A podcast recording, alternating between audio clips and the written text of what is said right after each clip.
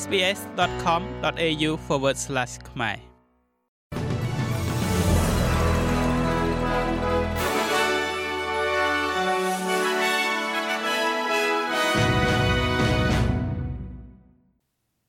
ចាសសូមស្វាគមន៍មកកាន់នេតិព័ត៌មានខ្លីៗរបស់ SBS ខ្មែរសម្រាប់ថ្ងៃប្រហ័សទី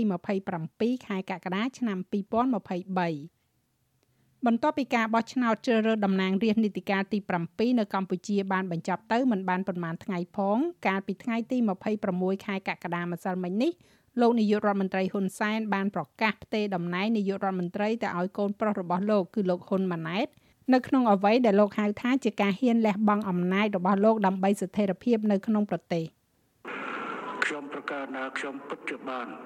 ប្រកាសខ្លួនថាជាបេក្ខជននាយករដ្ឋមន្ត្រី សម្រាប់នីតិកាលទី7ហើយអាដាមហ៊ុនម៉ាណែតគឺជាបេក្ខជននាយករដ្ឋមន្ត្រីអនាគតតែសភាពការគឺបានតម្រូវឲ្យត្រូវធ្វើការរៀបចំរាយរដ្ឋាភិបាលចាប់ពីដើមរដ្ឋនេះទៅដើម្បីធានានៅភាពរលូននៃដំណើរការ រាជរដ្ឋាភិបាលដោយគ្មានអាខាតនៅក្នុងវីដេអូដែលបានថតទុកជាមុននោះលោកនាយករដ្ឋមន្ត្រីហ៊ុនសែនក៏បានប្រកាសផងដែរថាមេដឹកនាំកម្ពុជាកម្ពុជាចាស់ចាស់មួយចំនួនដូចជាលោកឧបនាយករដ្ឋមន្ត្រីសខេងលោកទៀបបាញ់លោកស្រីម៉ែនសំអននិងឧបនាយករដ្ឋមន្ត្រីមួយចំនួនទៀតក៏នឹងត្រូវដល់ពេលចាក់ចេញពីតំណែងដូចគ្នាដែរព័ត៌មានមួយទៀតនោះពាក់ព័ន្ធជាមួយនឹងកិច្ចព្រមព្រៀង OCS សហរដ្ឋអាមេរិកនិយាយថាប្រទេសនូវែលសេឡង់អាចនឹងមានឱកាសចូលរួមនៅក្នុងកិច្ចព្រមព្រៀង OCS ខណៈដែលគម្រោងរវាងសហរដ្ឋអាមេរិកអង់គ្លេសនិងអូស្ត្រាលីនេះដំណើរការលោកនាយករដ្ឋមន្ត្រី Anthony Albanese បាននិយាយថាมันមានផែនការដើម្បីពង្រីកកិច្ចព្រមព្រៀង OCS ឲ្យលើសពីប៉ារ៉ាម៉ែត្រ3ប្រទេស ដែលមានស្រាប់នាពេលបច្ចុប្បន្ននេះនោះទេប៉ុន្តែរដ្ឋមន្ត្រីការបរទេសអាមេរិកលោក Anthony Blinken មានប្រសាសន៍ថា ប្រហែលជាមានផ្នែកមួយសម្រាប់ប្រទេសនូវែលសេឡង់ក្នុងការចូលរួមខណៈដែលចក្រភពអង់គ្លេសនិងអូស្ត្រាលីផលិតនឹងដំណើរការនាវាមួយទឹកប្រភេទថ្មី SSN AUKUS ហើយរក្សាបច្ចេកវិទ្យាឈានមុខរបស់អាមេរិកក្រុមហ៊ុនកូរ៉េខាងត្បូងមួយត្រូវបានជ្រើសរើសដើម្បីផលិតយានយន្តប្រយុទ្ធសម្រាប់ទាហានថ្មើរជើងឲ្យកងទ័ពអូស្ត្រាលី យានជំនិះ Redback ចំនួន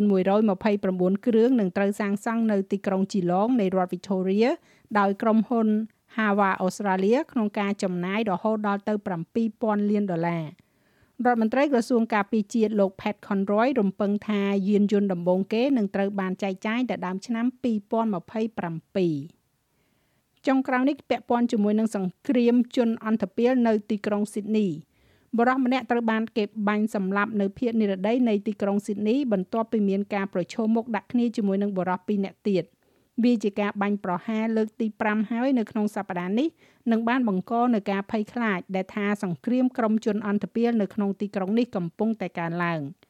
បរោះមិនស្គាល់អត្តសញ្ញាណរូបនេះស្ថិតនៅក្នុងវ័យ20ឆ្នាំប្លាយត្រូវបានគេបាញ់ជាច្រើនគ្រាប់នៅលើផ្លូវដ៏មមាញឹកមួយក្នុងតំបន់ Canterbury នៅវេលាម៉ោងប្រហែលជា2ទៀបភ្លឺព្រឹកថ្ងៃប្រហ័សនេះ។ប៉ូលីសរដ្ឋ New South Wales និយាយថាការបាញ់ប្រហារនេះមានទំនាក់ទំនងទៅនឹងបណ្ដាញឧក្រិដ្ឋកម្មដែលបានរៀបចំឡើង ដែលកំពុងតែមានចំនួនទៅលើការជួញដូរគ្រឿងញៀនខុសច្បាប់ក្នុងទីក្រុង Sydney ប៉ូលីសក៏បានបង្កើតនៅក្រុមការងារថ្មីមួយដើម្បីស៊ើបអង្កេតការបាញ់បោះជាហូរហែនេះ។